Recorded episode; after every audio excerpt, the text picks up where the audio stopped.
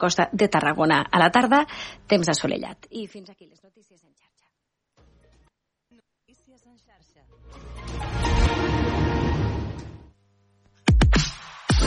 Obert per vacances amb Manel Ferrer.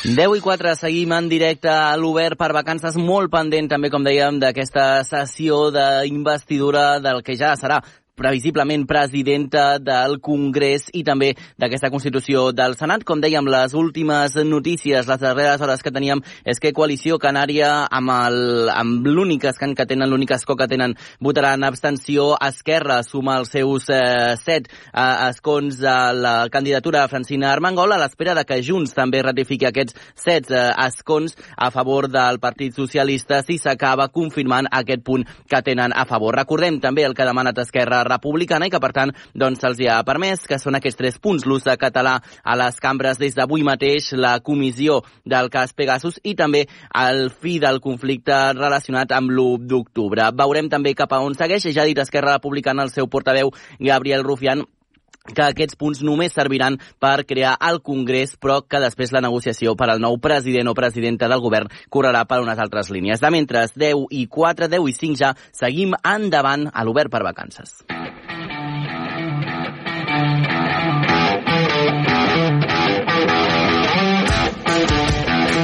Aquest estiu, l'artista Rovirenca Marta Aranyó, responsable de l'estudi d'art Tinta i Vi i els responsables de l'Observatori del Parc del Garraf, format per als astrònoms Carles Sanabel i Rat Parellada, ens han preparat un estiu diferent, amb activitats diferents, que ens convidaran a mirar el cel a través d'un telescopi i també, atenció, a pintar, per exemple, la lluna amb vi. Avui, per motius d'agenda professional, només ens pot acompanyar la Rat Parellada. Ella és pedagoga, porta més de 30 anys fent divulgació divulgació i didàctica de l'astronomia als centres educatius i altres espais per al públic general. Ens acompanya també la nostra companya, la Montse López. Eh, bon dia a les dues, com esteu?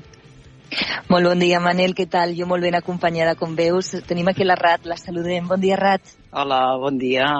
Molt bé, sí, sí. Doncs escolta'm, tenim moltes ganes de conèixer aquest eh, projecte per saber què hi fareu. Per començar per alguna banda, Rat, explica'ns una mica com i quan va començar aquesta activitat que feu conjuntament amb el Carles i la Marta i tu barrejant la pintura amb vi i també amb l'astronomia. Quan va començar tot plegat? Uh, sí, bueno, amb la Marta fa anys que ens coneixem perquè vivim en el mateix poble, però potser fa ja 10 anys eh, que mm -hmm. vam començar a treballar conjuntament. Uh, nosaltres, clar, fem ciència i ens agrada molt la ciència i durant el curs treballem molt amb escolars, eh, eh, en públic en general, però fent només astronomia, la ciència. I a l'estiu ens relaxem una miqueta i ens agrada fer doncs mirar el cel que a tothom agrada, fent mm ciència, però lligant-ho amb art, que, que no, no està renyida una cosa amb l'altra eh, passar-s'ho bé i aprendre coses. Doncs això jo crec que són dues premisses importantíssimes per fer-nos una idea en què consisteixen aquestes activitats. Què hi fareu? Bé, um, bueno, quan vam començar, bueno, tampoc no hem canviat massa eh, el mm. format mm. perquè veiem que ens, que ens funciona molt bé. Uh, la gent, normalment ho fem a l'observatori, d'allà de, de l'Observatori Astronòmic del Parc del Garraf, però també ens podem desplaçar. Eh? Ara mateix, la setmana passada, aquesta activitat la vam estar fent al Castell de Gelida. Eh? Uh -huh. O sigui que a vegades sí que estem en un espai molt astronòmic o a vegades no. I el, consisteix en la gent, quan arriba, el primer que fa és mirar el cel, Sí. Eh? El cel encara s'està enfosquint, uh -huh. o sigui, hi ha una miqueta de claror i comencem a veure els puntets més brillants que hi ha en el cel, que són les estrelles, i després ja veiem alguna cosa més. I llavors la gent, doncs, pinta amb vi, pinta, uh -huh. pinta coses que està ja començant a veure en el cel. Eh? I després de pintar amb bé, doncs llavors ja fem una sessió de, de conèixer el cel, de, de mirar estrelles, planetes i tot mhm. allò que es veu aquell dia en el cel. Quan no tenim núvols és ideal no? gaudir d'aquest entorn natural, no? amb espais naturals com els que heu compartit, i ho deies eh, en el castell de Gelida, que això va ser a l'aire lliure, no? Explica'ns una miqueta com podem veure i com podem interpretar tot això, no? Bueno, el castell, el castell de Gelida és super especial, eh? O sigui, fer l'activitat en un castell, que encara tens les parets, no tens el sostre, però mira, quasi ens va més bé, eh? Perquè plantem unes taules eh, en l'espai gran del castell, a, a, mm. a la sala gran, i, i, i la gent gaudeix de la fresqueta, perquè, clar, ara a l'estiu, a més a més, tenim, comencem a tenir uns estius molt calorosos, eh? però al vespre, cap allà a les 9 del vespre, que ja refresca, doncs ens va molt bé doncs, eh, estar a l'aire lliure i mirar el cel. Si, si en aquell dia hi ha núvols, a veure, sempre, sempre hi ha coses per fer, eh? sempre tenim un plan B o un plan C. Uh -huh. uh, el que sí que ens passa és que tothom marxa content. Marxa content perquè ha descobert que sap fer coses d'art, de, de, potser no, no han agafat mai un pinzell i agafen un pinzell a pin, per pintar amb vi. Vull dir que primer sembla molt estrany, eh? I, I els hi queden unes obres fantàstiques. I després mirar el cel és molt, molt, molt especial. Mhm. De fet, eh, són activitats obertes a tothom. Ara ens donaves una pista, deies que inclús hi ha gent que hi participa i que mai ha agafat un pinzell, no? que no eh, ha fet mai cap incursió en el món de, de l'art. Sí, poden venir, a vegades venen fins i tot pare... a vegades venen parelles, eh? Mm -hmm. només uh, una parella, però pot venir una família sencera. Jo recordo ara fa uns anys va venir una família que ens va dir mira, és l'activitat ideal, perquè tenien dos nanos, un era molt de ciències, de matemàtiques, de, de biologia, d'astronomia, i l'altre, tots aquests temes no, els interessa, no li interessaven gens, perquè ell era, era molt artista, però molt artista de, de, mm, també mm, corporal, eh? vull mm -hmm. dir que mhm. li agradava el teatre, i s'ho van passar bé, i tant un com l'altre van, van veure que l'activitat aquella que no la treia massa, doncs sí. que, que sí, que, que els hi havia agradat. O sigui, a més a més, a compaginar-ho, compartir una cosa amb l'altra, els hi havia agradat moltíssim. Quines activitats, per exemple, ens queden així, bueno, no totes, eh, perquè òbviament tenim el temps que disposem, però ara la mes d'agost sí que teniu encara alguna, no? Sí, ara aquesta, aquesta setmana potser és la que hi ha més coses, eh? perquè és la setmana dels perseits, ara ja se'n comencen a sentir parlar molt. El màxim dels perseits és la nit del, del 12, del 12-13, però ara ja aquests dies ja s'estan veient, eh? que són aquells punts lluminosos que corren en el cel. Mm. Eh? Que a vegades, a més a més, la gent aquests dies pinta perseits quan fan la pintura en vi. Uh, la primera que farem, que serà aquesta setmana, serà el dia 10, o sigui, res, d'aquí d'aquí dos dies, eh? estem, estem ja molt a prop. Uh, a més a més, aquests, aquesta la farem no volem anar a l'Observatori del Garraf, sinó que la farem en un celler, en el celler Cuscoberga, que està molt a prop de, de l'Observatori. És un celler que moltes vegades utilitzem el seu vi per... La Marta prepara el seu vi per després poder pintar amb aquest vi i, i el farem allà. O sigui que el farem envoltat de, de botes, de vi, estarem amb el Lluís de Cuscoberga, que també explicarà quatre coses del seu vi i fa, serà una activitat doncs, molt completa. Aquesta és el dia 10 i llavors ja a partir del dia 10, 11, 12, estarem a l'Observatori del Garraf. Estarem mm. allà fent-la, fent, fent aquesta activitat amb la Marta. Bueno, Vinga, a veure si és super xula. Uh, vaja, mira, a mi si no em coincideix ninguna cosa, segur que m'hi apunto perquè em sembla super interessant. Ara, mentre s'escoltava, has fet una referència i que m'ha fet pensar que al final cada dia l'estat del cel és diferent, per tant, no hi ha ningú dia que sigui igual a l'anterior o al següent, no? Sempre hi ha una escena diferent. Sí, el, el cel, en, en principi, les estelles es repeteixen, mm eh? d'un dia a l'altre.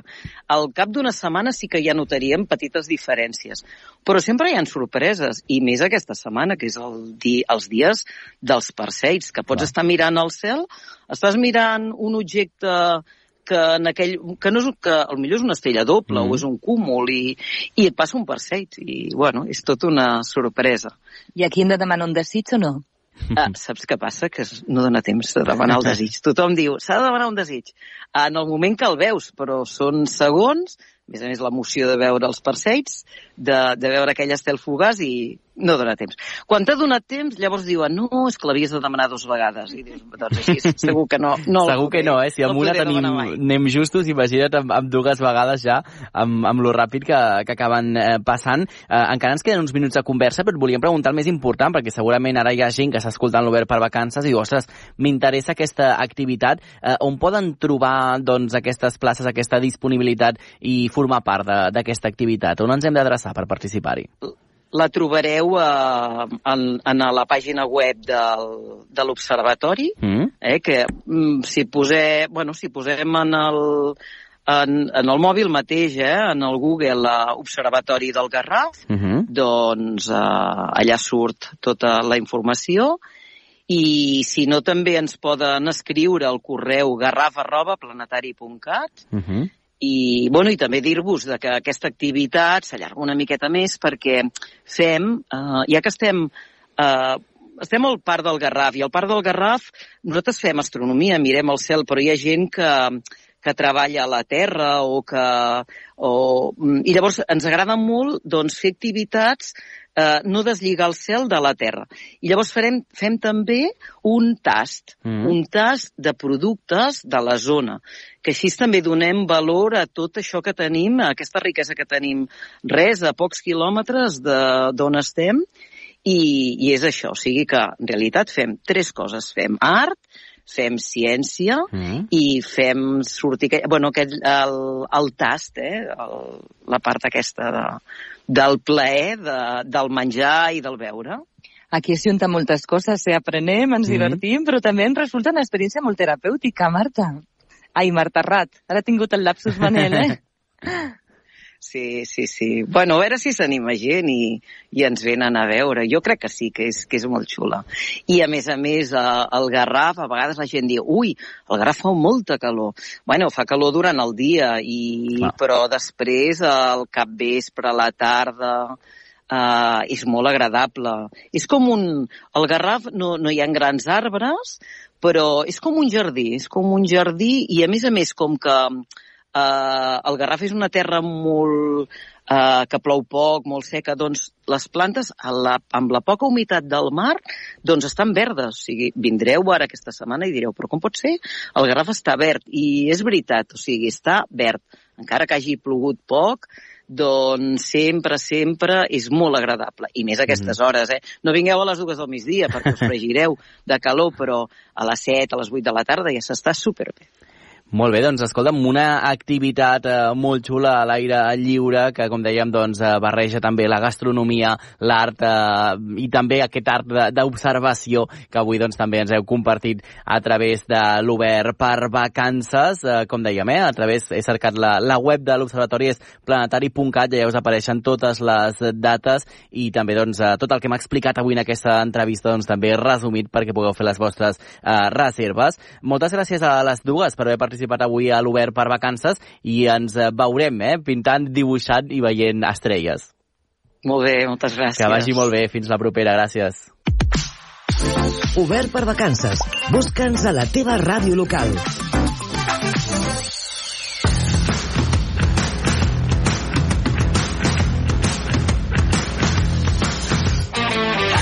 10 i 17, seguim en directe a l'Obert per vacances. És el moment de trobar un nou terra de pa. Ja ho sabeu, això que us posem són petits tastets, però si entreu a la nostra plataforma, la xarxa més, allà hi trobareu la versió televisada d'aquest Terra de Pa amb en Jordi Morera. En el tastet d'avui descobrirem que és l'agricultura regenerativa al Garraf, on s'està recuperant diversos conreus autòctons com la vinya o la col brutonera.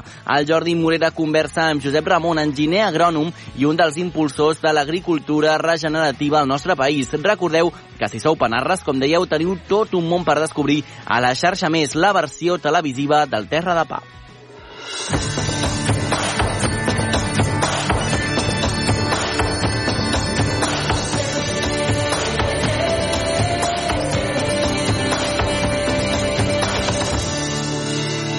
Terra de pa.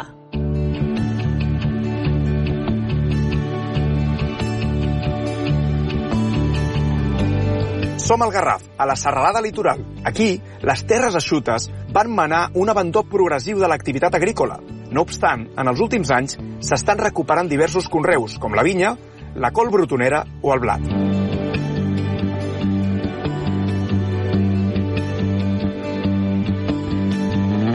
Segons assenyalen diverses institucions com les Nacions Unides, l'agricultura industrial o convencional és la principal causa de desforestació mundial i contribueix clarament a l'escalfament global, contaminant aire, aigua i esgotant completament el sol. Davant d'aquesta situació, sorgeix un tipus d'agricultura com la regenerativa, que pot oferir solucions i revertir el dany causat.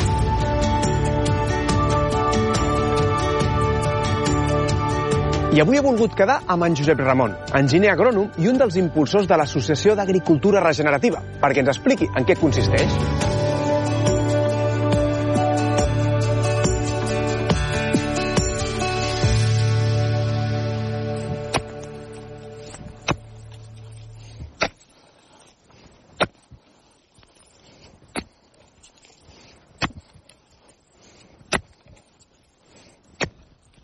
Josep, Ramon, Eh, com va això? què dius? Bé, bé. Aquí estem. Què estàs fotent? Sempre t'enganxo? Mans a... Què mans estàs al, fent? ma- Mans al terra. Anem a intentar posar una miqueteta el cap sota la terra. Això és una, això és una cata, vale? Vale. Ja el que estem intentant és, bueno, veure, veure com ha quedat. Em- Estem, estàvem partint d'un sol que estava molt degradat, un sol molt compactat, vale? un sol que no estava treballant de forma natural, Perquè això feia, eh, entenc, dècades, segurament, que està tallant d'una manera més intensiva, no? Sí, està, està molt... treballant-se, treballant-se, treballant-se, llaurant-se moltíssim, i el que passa quan llaurem moltíssim és que no tenim estructura del sol. Estem trencant tota l'estructura tota l'estructura del sol. Aquí el que hauríem de trobar seria una, una... Primer hauríem de trobar una capa negra al damunt d'acumulació de matèria orgànica i hauríem de trobar... Hauríem d'haver hauríem vist ja pues, algun escarabat, hauríem d'haver Ah, vist sí? alguna formiga, hauríem d'haver vist algun Això animal... és una bona senyal. Veure Sí. un, una llombriu, Sí. per exemple? Una llombriu. La llombriu és molt, molt bona senyal, perquè elles són les responsables d'agafar tota aquella matèria orgànica que queda en superfície i anar-la baixant cap baix al sol. I són les que ens donen, els que ens donen aquesta esponjositat al sol. Aquesta és la forma natural de treballar, i és la forma més eficient que hi ha, perquè és la forma que fa milers i milions d'anys que la natura ha anat, eh, ha anat, eh, Sí, sí, sí. ha anat utilitzant. Per això, si nosaltres ho fem amb màquines, el problema és que d'aquí sis mesos tornarà a estar igual de compactat. Nosaltres el que hem d'intentar és que sigui, es faci de forma natural. I qui és capaç de descompactar tot, aquestos, tot aquest sol són les plantes. D'aquestes plantes que parles tota la vida hem pensat que eren males herbes, que no ens interessaven perquè feien competència amb el cultiu. No, no, no. Si nosaltres tenim un, uh, un, uh, un sol que té molt poca estructura i que, i que estem perdent per erosió tot aquest, tot aquest sol, totes les herbes que sortiran allí, totes les llavors que germinaran, són les llavors que venen a arreglar aquell problema que tenim nosaltres. Com aquesta, pues, això què és? Això és una malva, una, Una malva, malva. silvestris. Aquesta malva, ens diu? Aquesta ens està dient que tinc un sol molt compactat. Si nosaltres fóssim capaços d'arrencar aquesta, aquesta planta, veuríem que té una arrel, una arrel principal molt gran que el que fa és intente trencar i descompactar tot aquest sol que tenim nosaltres. Aquesta, aquesta planta, aquesta malva, que està fent ara mateix és fer la fotosíntesi i amb la fotosíntesi capta el CO2 i, el, i aquest CO2 l'injecte dins el terra. Per tant, tot aquest CO2 al final el que farà és poder sequestrar aquests centenars de milions de tonelades de CO2 Exacte. que tenim a dalt i Exacte. tenir-los sota i, a més a més, Exacte. fer que els cicles nutrients comenci, no? Exacte. Perquè, concretament, Joan Ramon, què és l'agricultura regenerativa? L'agricultura regenerativa el que intenta és, eh, primer, observar com funciona la natura per, eh, per veure com podem imitar-la al màxim i tornar-los a donar aquella fertilitat natural que, que tenen. Quina diferència amb l'agricultura convencional que estem acostumats a... En l'agricultura convencional eh, estem pensant en... eh, Jo tinc una quantitat d'insums molt gran que jo aplico en Sí. unes plantes, unes plantes que tinc seleccionades exclusivament només per a produir quilos, no per a produir qualitat d'aliment, sinó només per a produir quilos, i estem explotant. Eh, tenim explotacions agràries, no tenim... Eh, no tenim sistemes agrícoles, tenim explotacions agràries. Dins de l'agricultura regenerativa el que intentem és regenerar el sistema i intentar donar-li la màxima fertilitat a aquell sistema amb la màxima quantitat de microbiologia, la màxima quantitat de minerals, la màxima quantitat de matèria orgànica per a que sigui un sistema supereficient i ens pugui aportar una quantitat d'aliments màxima i d'una qualitat màxima. Això vol dir una riquesa mineral molt gran. Que quina diferència té aquest tipus d'agricultura amb l'ecològica? És el mateix? Va més enllà? No, l'ecològic- l'ecològica la podem eh, classificar com una agricultura que no utilitza, i, eh, no utilitza insums eh, eh, molt agressius. Okay. Aquesta seria una forma de classificar l'agricultura ecològica. Quan jo compro una, un, un producte ecològic, jo puc tindre la certesa eh, de que no s'ha utilitzat determinades, determinats productes químics eh, que són tòxics en la seva producció. Però no, enfoque, no s'enfoque tant en aquesta necessitat bàsica de regeneració de sistemes, de millora d'aquesta eficiència. Mil gràcies per aquesta explicació, perquè després entenc que això a casa, en el dia a dia de les nostres decisions de consum, és bàsic tenir aquesta informació. Sí, hem de saber, hem de saber on comprem i, i per què comprem. I hem de saber també que hi ha molta gent que està treballant al camp que no només treballa per la seva butxaca, sinó que també treballa per tota la resta del planeta. Doncs Joan Ramon, ens emplacem a veure cada any, allà si aquesta finca la tornem a recuperar i, i torna a ser el paradigma d'agricultura que, que tant necessitem. D'acord? Doncs mil gràcies, Ramon. Seguim, seguim veient-ho.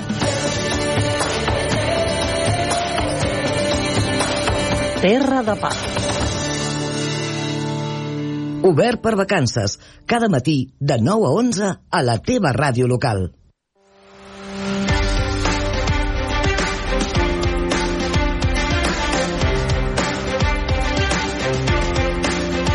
6 minuts per arribar a dos quarts d'onze del matí perquè fa l'actualitat política d'aquest 17 d'agost del 2023. Totes les mirades estan posades al Congrés dels Diputats, on aquest matí es fa la sessió constitutiva, la sessió que obre la legislatura. El primer que cal fer és escollir els membres de la mesa de la cambra i, per tant, la presidència de la institució. I fins a l'últim moment s'ha mantingut el suspens. Fins aquest mateix matí, fa aproximadament una hora, alguns partits dels quals eh, depèn l'elecció no han donat pistes clares sobre les seves intencions en la votació d'avui. A hores d'ara, eh, quan són les 10.25, sembla que podria tirar endavant la candidatura de la diputada socialista i expresidenta de les Illes Balears, Francina Armengol, com a nova presidenta del Congrés, però suspens i intriga fins al darrer moment, com dèiem. Traiem al cap i veiem també doncs, com està començant aquesta sessió que està passant ara mateix al Congrés dels Diputats. Ens ho explica el nostre company Didac Boza. Bon dia, Didac.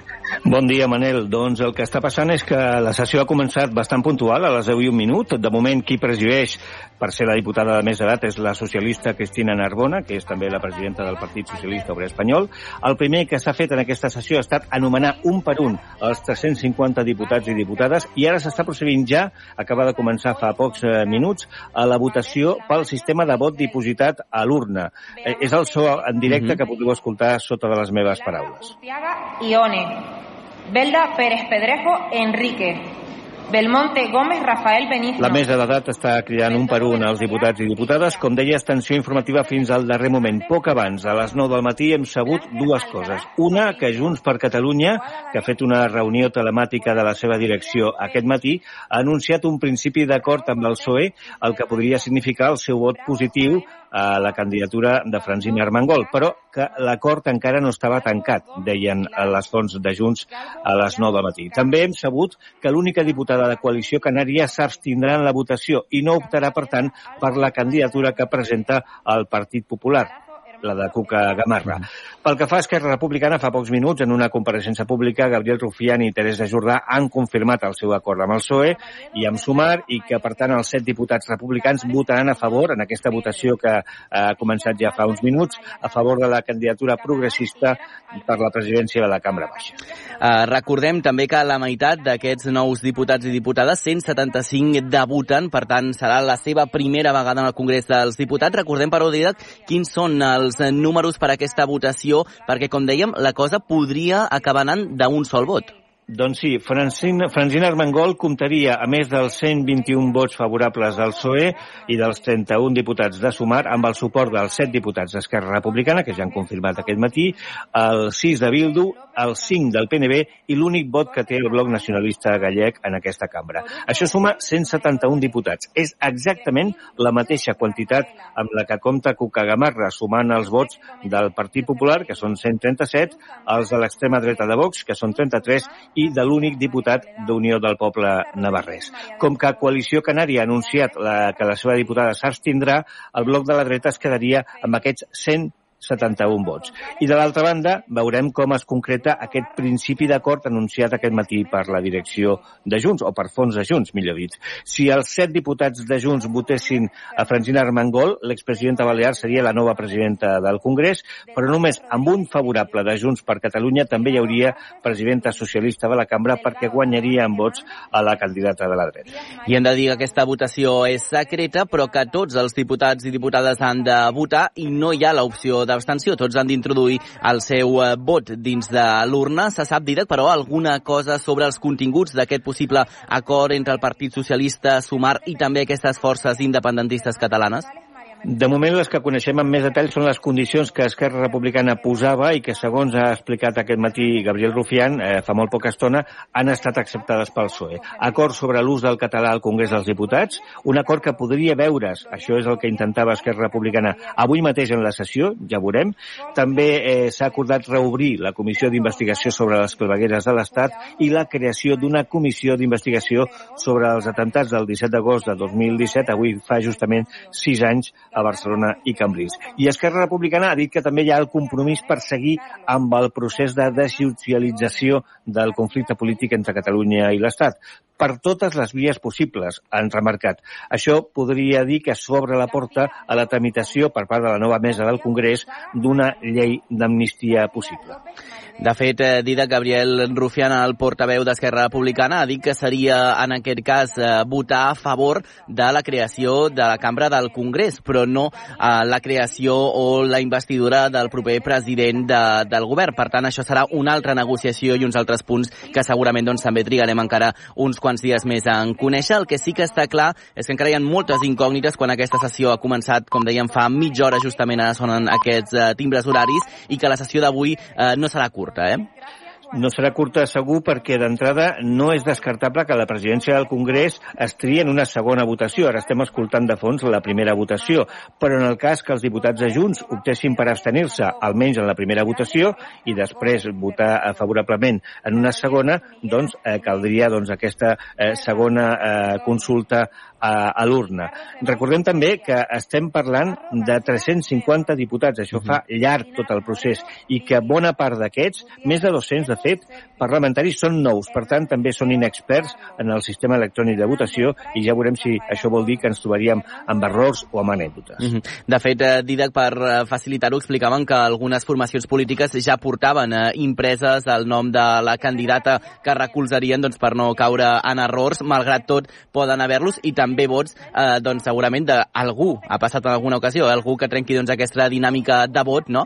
i acabi votant a la persona que no seria la persona favorable que hauria escollit doncs, el conjunt de la seva formació. Pot passar també, eh? és el que tenen les votacions eh, secretes. I recordem que després d'aquesta votació de la presidència, o d'aquestes votacions, si n'hi hagués més d'una, s'han de votar també la resta de membres de la mesa, vicepresidències i secretaries. Mm -hmm. I a part, en paral·lel, també doncs, tenim eh, la Constitució del Senat. Didac Boza, moltes gràcies. Si hi hagués doncs, alguna novetat abans no tanquem aquest obert per vacances a partir de les 11, doncs tornaríem a parlar amb tu. Gràcies. Perfecte, gràcies. Nosaltres seguim endavant. Obert per vacances. Busca'ns a la teva ràdio local.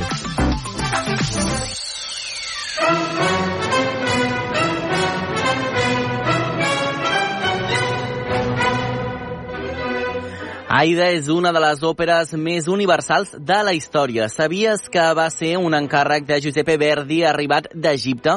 La periodística Jessica Sorodosos i el tenor Marc Sala et convertiran en un expert en lírica. Una setmana més al cantant d'òpera.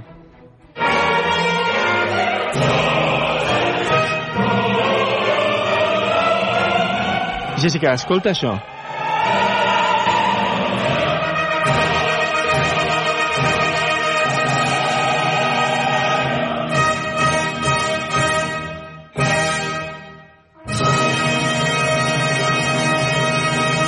Comencem avui amb una contundència impressionant, Ho he sentit. Jo crec que és un dels moments més potents de, de la història de la música. Per mi això és heavy metal. És un fragment d'Aida. Aida, de Verdi. I què hem de saber si no coneixem Aida? Va, si no coneixes Aida, has de saber que és una òpera en quatre actes de música de Giuseppe Verdi amb llibret d'Antonio Ghislanzoni. Això era un encàrrec del governador d'Egipte que volia celebrar l'obertura del canal de Suez. Mm -hmm. I, uh, bueno, amb cert... La veritat que Verdi va acceptar amb certa reticència aquest, uh, aquest encàrrec. Eh, un Verdi ja gran, madur, famós, que ja no tenia que, diguéssim, que demostrar res a ningú mm -hmm. i podia escollir els seus projectes, no? Però bé, va acabar acceptant. Uh, però això sí, el va estrenar amb bastant, amb bastant retras. S'havia estrenar al Cairo al gener de 1871 i es va acabar estrenant al desembre, no al gener, sinó al desembre del mateix any. De fet, Verdi ni tan sols hi va assistir eh, A l'estrena? Cairo. No va assistir a l'estrena del Cairo. Diuen que en protesta perquè deia que no va ser obert a tothom, que va ser només un acte pels, diguéssim, per l'elit de, del govern d'allà i li va semblar que la música tenia que ser per tothom. Aleshores, l'estrena que es va posar ell, diguéssim, tota la intenció i tota la, tota la seva il·lusió va ser quan es va estrenar a, a Itàlia, al Teatre de l'Escala de Milà, el 8 de febrer de 1872. Marqui també té un hit. Té molts... Aida jo crec que és una d'aquestes òperes com Rigoletto o moltes de Verdi que és molt difícil descartar alguna part perquè tot és boníssim. Però sí que és veritat que hi ha una part potser més cèlebre o més coneguda que és la famosa marxa triomfal, eh, amb aquelles Mhm. trompetes tan característiques. És un moment, això estem a l'antic Egipte, eh, vull dir que, Mhm. eh, ja que la feia l'encàrrec del Cairo, van agafar la història basada en un Egipte mític en el que eh, bé, hi ha Radamés, que és un capità de l'exèrcit eh, egipci, que torna victoriós d'una batalla contra Etiòpia, i aleshores aquesta marxa triomfal, eh, una, una, aquesta desfilada, doncs bé, van passant els figurants al teatre que els fan fer com tres voltes fi- fins que i cada vegada que surten, surten amb, un, amb, un, amb, un, amb una arma diferent o amb unes, amb unes coses diferents perquè sembla que són més gent, no? Però la qüestió és que una, una desfilada militar solemne i impressionant. I aleshores, Verdi, per donar-li un toc una miqueta um, oriental o, o místic o mític d'un Egipte mític, doncs va fer fer unes trompetes amb una sonoritat especial, que són més llargues. I en aquest cas la sentirem perquè sentirem una gravació de la Sinfònica, l'Orquestra Sinfònica del Vallès, eh, quan la Fundació Òpera Catalunya la van representar, eh, de gira per Catalunya, i les, aquestes trompetes que sentirem són unes trompetes cedides pel Gran Teatre del Liceu, que són les que utilitzen al Liceu quan fan d'Aida. I eh, això és un àudio, hem de tenir en compte que és en viu, i hem d'agrair molt la col·laboració de la Fundació per a Catalunya que ens cedeix aquest àudio. Eh, doncs també hem de recordar que uh. -huh. si volen sentir més hits, com deies, Sí. de, de l'òpera Aida, han d'anar al perfil de Propera Spotify, on hi trobareu una llista de reproducció amb una selecció musical i acomiadem l'espai d'avui amb aquest hit de Sí. les trompetes.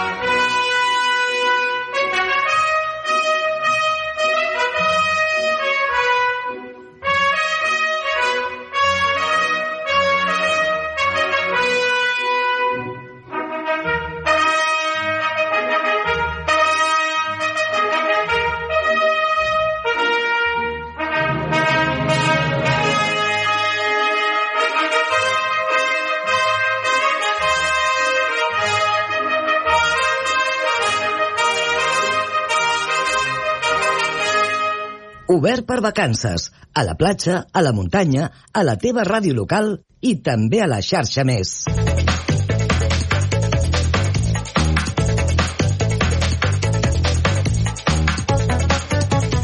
10.37, seguim en directe a l'Obert per vacances. A hores d'ara seguim també aquesta sessió de Constitució del Congrés dels Diputats. En aquests moments veiem com els diferents diputats i diputades van introduint el seu vot dins de l'urna, el vot que decidirà, veurem si en primera volta, si Francina Armengol o Cuca Gamarra acaben sent investides presidentes del Congrés. Dit això, és el moment de tornar a connectar amb el nostre company Eudal Puig. Eudal, tu no estàs al Congrés, eh? Tu estàs a Vic. Sí, correcte, estic a Vic. Uh, no sé si ho prefereixo, eh? bueno, tot suposo que té la, la, el seu què. Escolta, ens has deixat amb la intriga abans perquè ens has dit que repetiríem localització però no contingut. Correcte, exacte. Si et sembla, va, et dic on som. Mm. Uh, avui tornem a visitar el Museu d'Art Medieval Molt de Vic, bé. que és un museu que en una de les primeres connexions que vam fer amb vosaltres, tot i que la cobertura ho va permetre a mitges, ja vam tenir l'oportunitat de, de conèixer, de visitar, però és que ara hi tornem per veure la seva exposició permanent. A la primera connexió vam poder descobrir aquesta exposició Bèsties, que també hi ha aquí al Museu uh, medieval, d'Art Medieval de Vic, mhm. -huh. i avui visitem aquesta exposició permanent permanent. Um, avui podem saludar a hores d'ara una de les responsables d'aquesta exposició i d'aquí de, del museu. Ella és la Judit Verdaguer. Judit, molt bon dia i gràcies per atendre's aquí a l'Obert per vacances. Bon dia i gràcies per convidar-me. Parlàvem d'aquesta exposició. Què ens en pots explicar d'aquesta exposició permanent del Museu d'Art Medieval de Quibic? Bé, el nom ho diu, mm, la, la important, la, la, la, la part més nuclear de la nostra col·lecció és l'art medieval, per tant, eh, podem dir que és, eh, eh, diguéssim, una de les col·leccions, sobretot de pintura sobre fusta romànica, més importants d'Europa. Hi ha d'altres col·leccions, és un museu molt complet, eh, hi ha pintura, escultura, teixit, orfebreria, forja, mobiliari, eh, també d'època medieval i d'èpoques posteriors, però jo destacaria especialment el, el que és la pintura i escultura romànica, que és, diguéssim, el plat fort de la nostra col·lecció i la que més hem estudiat i, i, i la, de, la que més visitants atrau. Et volia preguntar, en aquest sentit, comentaves que hi ha altres exposicions arreu d'Europa, hi ha altres museus, evidentment, però què diferencia aquesta exposició d'aquí al Museu d'Art Medieval de Quibic de la resta de museus pel que fa a la seva col·lecció? Bé, jo crec que el que diferencia és el que abans he comentat. Tenim una col·lecció de frontals d'altar romànics. El més antic d'Europa està aquí en la nostra col·lecció, que és el de Sant Martí de Puigbó, i tenim també eh, escultura policromada de, de, de gran interès. Jo crec que aquests frontals romànics, que són obres que revestien els altars medievals, es conserven poquíssim. Eh? Hi ha alguns exemplars a Noruega, posteriors, que fins i tot en van fer una exposició, però els frontals altapintats més antics del món són al Museu de Vic. Uh -huh. uh, bon dia, Judit. Aquesta exposició, perquè ens fem una, una idea, amb quantes peces compta? La col·lecció del Museu de Vic compta amb... Hi ha com uns 20.000 objectes Carai. registrats, però jo diria que d'exposats n'hi ha un, a veure, 2.000 o, una cosa així. Ara ho dic de memòria, igual l'erro, eh? Uh -huh però déu nhi ja són una, una bona tirada, eh? De... Sí, sí, però has de comptar que també tenim arqueologia i cada moneda, cada fragment arqueològic eh, és un número de registre i ho contem com un objecte, per tant, mm, la col·lecció pròpiament de medieval és més reduïda, són objectes més grans, però el nombre és gran perquè també tenim un objecte molt petit. Deia que en alguna ocasió ja havíem visitat aquest uh, Museu d'Art uh, Medieval. Uh, et volia preguntar um, Quin és l'origen d'aquest museu? Potser molta gent pensa el Museu d'Art Medieval, però potser el coneix com a Museu Episcopal. Uh -huh. Bé, l'origen i encara ara és, de fet el nom és MEP um, i el, diguéssim que el, el lema o la marca és uh, d'art medieval per enfatitzar el, doncs això, la importància de la col·lecció de medieval. De fet, en origen, aquest museu és molt antic, es va inaugurar el 1893, i ja una de les tasques que va tenir en origen era la de recollir eh, sobretot art romànic, que en aquells moments no estava valorat, d'esglésies, eh, eh, per no, perquè no es destruís o perquè no anés a parar a mans particulars. Sabem tots que hi ha obres romàniques catalanes arreu del món, a molts museus, i per tant el Museu de Vic d'alguna manera es va constituir per salvaguardar aquest patrimoni que en aquell moment eh, no estava massa valorat i que o s'estava destruint per males condicions eh, on estava ubicat o s'estava venent a, a antiquaris o col·leccionistes i marxant de, de, de Catalunya. De fet, eh, tornant a aquesta exposició permanent, eh, quines Judy, que són les obres mestres que destaquen? Bé, mm, el davallament de la Vall, que està entre el Museu de Vic i el, i el Manat, que és un grup escultòric de primer ordre, també únic al món, molt gran i impacta molt. La col·lecció de frontals, sobretot el que he dit, el més antic, el de Puigbó, un baldaquí de primer ordre, jo per mi una de les obres de més qualitat artística del romànic a Catalunya i diria que a Europa, que és el baldaquí de Ribes. El baldaquí és un moble de fusta que es mantenia o sostenia sobre l'altar, eh, com un doser com un sostre. Llavors aquesta obra és mm, mm, tècnicament molt, molt bona i a més s'hi han utilitzat materials de luxe com és el lápis lazuli que és un material, eh, un pigment que era d'importació, només es produïa en unes mines a un lloc del món que era eh, unes mines de l'Afganistan. Llavors, poder utilitzar un pigment tan car en aquell moment volia dir que la persona que va encarregar aquesta obra havia de ser una persona segurament amb molt poder econòmic i, per tant, en aquella època polític també amb, amb això que comentaves d'aquestes peces, has comentat aquesta que està entre el museu de, Vic, el Museu d'Art Medieval i el Manac, um, per qui, és a dir, per la gent que vingui aquí serà fàcil d'identificar perquè és just a l'entrada de, de l'exposició, eh? Exactament, just a l'entrada i és molt impactant. No conserva policromia, però hem de pensar que mm, és una obra monumental. Ara que parlem de la policromia, en el museu ja s'ha inaugurat recentment eh, una sala immersiva en la qual s'ha intentat doncs, reproduir no aquesta peça, sinó algun frontal que amb el, que amb el pas dels anys ha perdut molt els colors i els daurats, doncs en aquesta sala immersiva i a través d'un taller d'un pintor del romànic doncs s'intenta eh, reconstruir l'estat original, els pigments originals que haurien tingut aquestes obres al segle XII quan es van fer. Us recomano que hi vingueu perquè realment és una experiència molt, molt eh, interessant. Uh -huh. De fet, eh, ens estaves donant algunes dades d'algunes localitzacions, però com s'integra aquesta exposició eh, també en la història de, de la ciutat? Bé, eh, la majoria d'obres del, del fons eh, provenen de les parròquies de la diòcesi de Vic. Eh, per tant, eh, és una col·lecció mm, que està molt de cara a la ciutat perquè precisament moltes vegades venen mm, visitants, no sé, de diferents eh, pobles, de Sant Boi o de Lluçà o d'allà on sigui i els fa molta il·lusió veure que aquella obra que estava en la seva església doncs es conserva i es conserva en molt bon estat de, de conservació que als museus és una cosa que podem oferir. Uh, està segura també és una altra cosa que podem oferir que l'hem posat en valor perquè l'hem estudiat i per tant eh, ara es pot dir que eh, una obra que estava en l'església del seu poble encara existeix i que és d'una gran importància. Per tant, eh, com que la col·lecció és molt propera de la comarca, eh, també és molt propera doncs, de tots els habitants d'aquesta zona.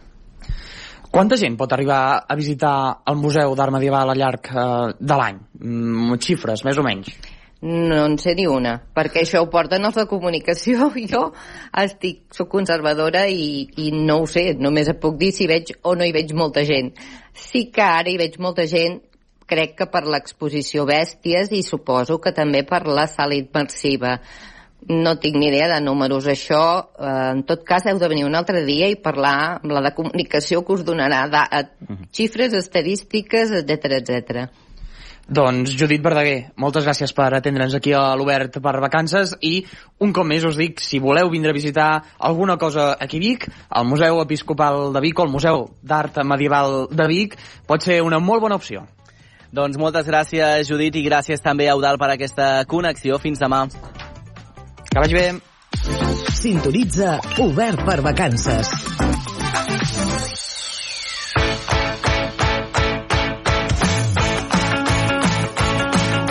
10.47, 13 minuts per arribar al punt de les 11. Veiem eh, ara mateix que les votacions al Congrés s'han acabat. Estan ja fent el recompte de vots amb Cristina Narbona com a presidenta de la mesa d'edat, mentre que en el Senat encara segueixen introduint els vots a les urnes. Eh, veurem també doncs, eh, cap a on es decanta aquesta votació. Dèiem al nostre company Didac Boza que s'allargaria. Segurament veurem si en una primera volta és suficient o caldrà fer segona volta. En el Senat sembla que sí, que tot està molt més decidit cap a la banda del Partit Popular Popular i el dubte recau sobre el Congrés. Dit això, és el moment de conèixer també els nostres plans, la nostra agenda cultural d'arreu de Catalunya. Bon dia, Àlex, com estàs? Bon dia, Manel. No sé què passarà en el Congrés, però sí sé què passarà aquest cap de setmana, eh, a nivell cultural. Molt bé, doncs escolta'm, comencem a donar pistes cap a on anirem. Ja tens el paper i boli preparat? El tinc, el tinc ben a punt. Doncs mira, comencem a ritme d'Amparito Roca, i és que a Tarragona ja es troba immersa en les seves festes majors en honor a Sant Magí. De fet, ara faré una miqueta d'espoiler, mm. però crec que demà tindrem una connexió en directe a motiu d'aquesta celebració, oi? Exacte, sí, sí, demà, eh? Que demà ningú s'ho perdi, a partir de les 9 i 4, connexió en directe aquí a l'Obert per, per vacances, sí, sí. Doncs de la multitud d'actes que omplen el programa cultural de Sant Magí, jo en destacaré els castells. I és que fins ara no hem inclòs cap diada castellera a l'agenda, i això no pot ser.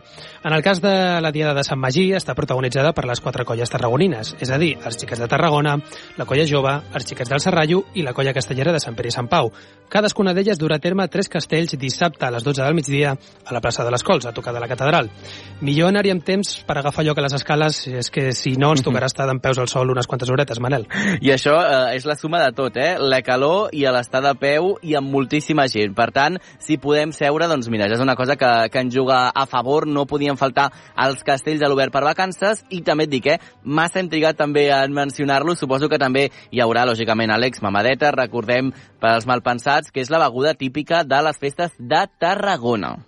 Sí, sí, sempre s'hi pot trobar algun lloc on et facin una bona mamadeta, eh? Molt bé, doncs eh, ja, ja ho sabeu. Bé, al final ens tancaran aquesta agenda, ho veig, i encara ens queden dues setmanes i mitja de programa, però escolta'm, estem parlant de beguda, una beguda refrescant de l'estiu que refresca la mamadeta.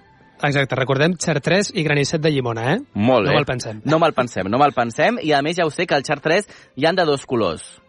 Exacte, el verd i el groc. El verd i el groc. que és una miqueta més fort, però, eh, bueno, a para gustos colores, no? Pues aquí mai millor dit. Cadascú escull al final, Àlex, com vol la mamadeta, i al final les opcions són vàries. Dit això, va, alguna cosa més per a la nostra agenda? Mira, acabarem amb una miqueta de gastronomia, i és que Cabrils acull aquest cap de setmana la 34a edició de la seva fira gastronòmica, un mm -hmm. esdeveniment que compta amb més de 30 estants de restaurants, bodegues i cellers, artesans i entitats del municipi. Totes les paradetes, així com les taules i cadires, s'ubicaran al pati de l'escola L'Olivera.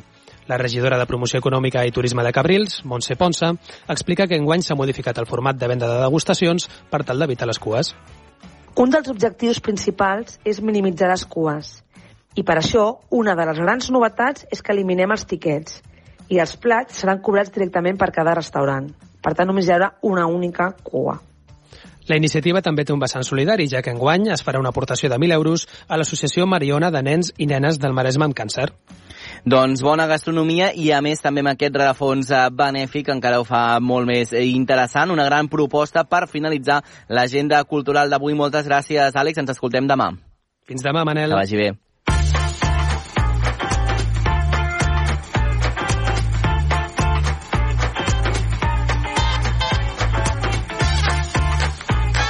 10.51 és el moment ara de fer un, eh, vaja, una actualització també de la nostra cançó de l'estiu. Anna Gasol, com estàs? Bon dia. Mira, aquí porta una mica un toc més musical, eh? Aquest sí, matí perquè, tan políticament tan Exacte, intens. tenim política, hem tingut de tot en aquest matí, però ja està bé, perquè és la màgia també del directe, però estàs preparadíssima, Anna, tu, per regalar directament 60 eurassos, eh? 60 eurassos per bescanviar en qualsevol supermercat bon preu esclat, que no és qualsevol supermercat. Mm, bona qualitat. Bona qualitat, i tant. I aquests 60 euros s'afegirien a la targeta client dels nostres, de l'oient afortunat. La setmana passada, dic l'any passat, imagina't, eh? la setmana passada, el de la nostra amiga la Rosa de Badalona. Mm. Què van fer, Manel? Exacte, què van fer? Doncs mira, és molt fàcil, només heu d'enviar una nota de veu, un missatge de veu a través del número de WhatsApp 628 841 055, 628 841 055. Allà l'Anna Gasol us respondrà i us dirà, d'acord, rebut, gràcies, bona sort. Oi que si dius una cosa així, Anna? Uh, amb el vostre nom, des d'on ens escolteu i quina és per vosaltres la vostra cançó de l'estiu i el per què. I ja si ens la canten, Anna, això ja és un luxe d'un altre món, eh? Eh, com abans la Natàlia, eh? ens ha fet cantar tant a tu i a mi. Clar, sí, sí, sí, això ja, ja ens agrada que se'ns enganxin les cançons i eh, demà hi haurà sorteig perquè demà és divendres, per tant encara esteu a temps de poder participar. Hi ha alguna proposta que ens han fet en aquests darrers minuts? I tant, les tinc aquí preparades com sempre. Vinga, anem a escoltar-les. Hola, sóc la Carme i des de Premià de Mar la meva cançó d'estiu és Viva la vida de Coldplay. Oh. A reveure... Hola, bon dia. Soc la Yolanda de Riells i Viabrea. La meva cançó de l'estiu és Les Babies d'Aitana, ah, perquè em porta records d'haver-la ballat en moltes festes majors. Bon dia, Emon. Soc. Susana i de Rosselló i la meva Susana. cançó de l'estiu és Flowers de la Miley Cyrus. Miley Cyrus, És la bona, que no sé ben bé com se pronuncia. Perfectament. Que tingueu bon dia. Bon dia per tu. Bon dia, Susana, que divertida que és. Escolta, molt eh, repartit ho veig, eh? O sigui, les tenim de tots colors. Eh, ja m'agrada Miley Cyrus, també. Ho ha dit perfecte, la Susana, no? Ho ha dit genial. Ho ha dit genial, sí, sí. Ho ha dit genial. Té un riure que s'encomana, eh? Doncs exacte, sí, sí, això ja ens agrada també. Totes aquestes propostes es sumen en el sorteig de demà divendres, aquests 60 euros que aniran directament a la vostra targeta de, crie, de client eh, bon preu esclat. Si no la teniu encara, eh, Anna, és molt fàcil d'aconseguir-la, perquè si ja demà us toca i la teniu, és molt més ràpid tot. I tant, és més àgil. De totes maneres, encara que no la tingueu, també és molt Sí, fàcil sí, sí. perquè es fa en un moment, eh? Mhm. El- la pàgina web o, o pel telèfon gratuït de bon preu. I trigaria un dia més, senzillament. Molt bé. De fet, eh, Anna, eh, Coldplay, aquesta cançó de Viva la vida, no? És tot un himne, eh? I tant, tu ets futbolero? No, Eh, gens ni mica, la veritat. Gens ni mica, jo és un tampoc. món que se m'escapa totalment per complet.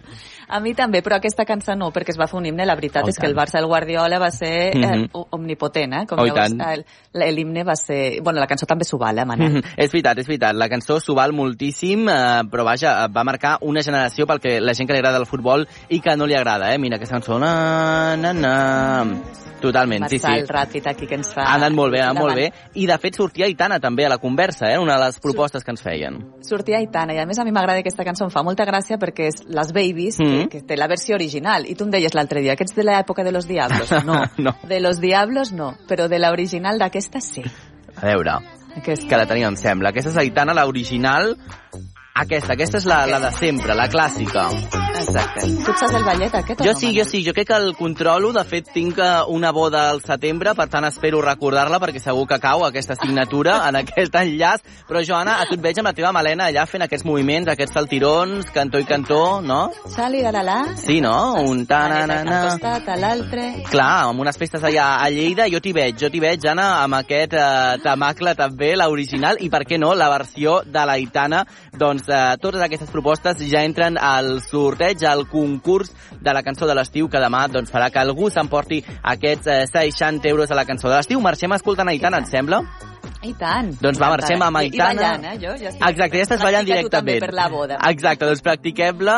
Si algun dia em caso, Anna, mm, ja es veurà això, ja es veurà. Et convidaré a la boda perquè vinguis a ballar aquest temazo, aquest tamacle d'Aitana Les Babies. Gràcies, Anna. Encantada. Que vagi molt bé. I gràcies també a vosaltres per acompanyar-nos en un matí on ha passat de tot. Hem parlat dels atemptats del 17A, hem parlat també de la Constitució del Congrés, del Senat, a part de recórrer tot Catalunya i escoltar els millors podcasts que ja podeu trobar a la xarxa més. Marxem escoltant les Babies d'Aitana. Tornarem demà quan passin 4 minuts de les 9 a la teva ràdio local en directe. Que passis un bon dia. Adéu. Todas mis nenas dicen que la vida es buena, buena es de fiesta con la casa llena. Otra vez salud porque la vida es buena, buena es de fiesta con la casa llena. Y este coro que te llega otra vez. Ey,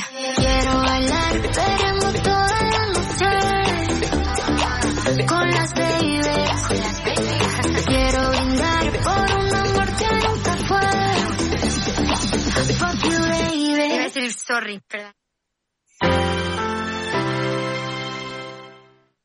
La xarxa de comunicació local. al teteo.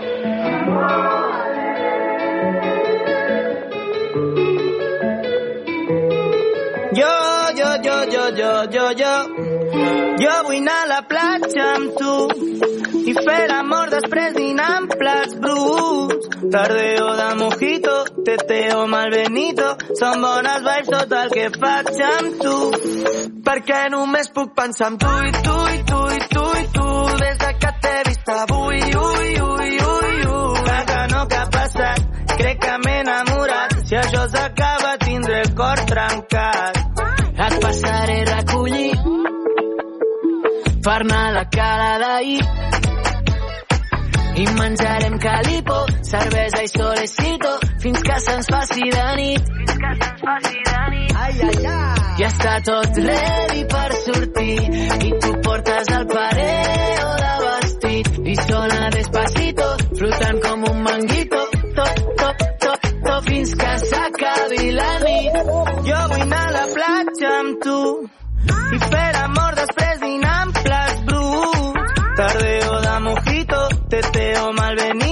són bones vibes tot el que faig amb tu.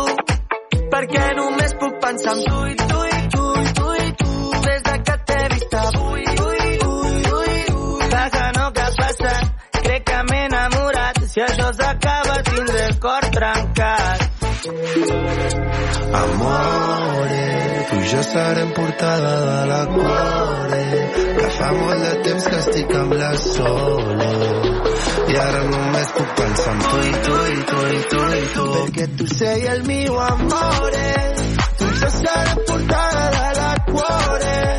Bañarnos en l'aigua cristal·lina que questa mattina te te pico sole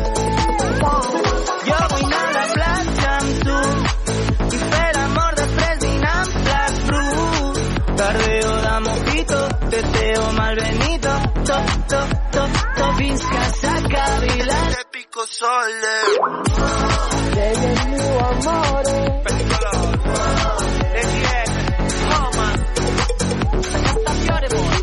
Si això s'acaba tindré el cor trencat.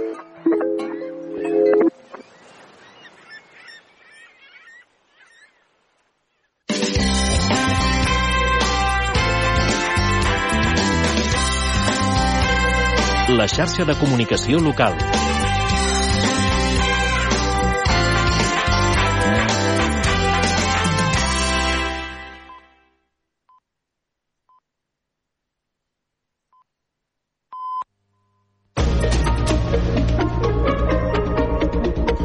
Notícies en xarxa. Bon dia, són les 11. Us parla Pili Garcia. A les 10 del matí, tal i com és preceptiu, s'ha constituït la mesa d'edat del Congrés dels Diputats que escollirà el nou òrgan de govern de la cambra. S'està fent ara el recompte de les votacions que han de fer decantar la balança entre Francina Armengol, la proposta del PSOE, o Cuca Gamarra, la proposta del PP. Tot i que també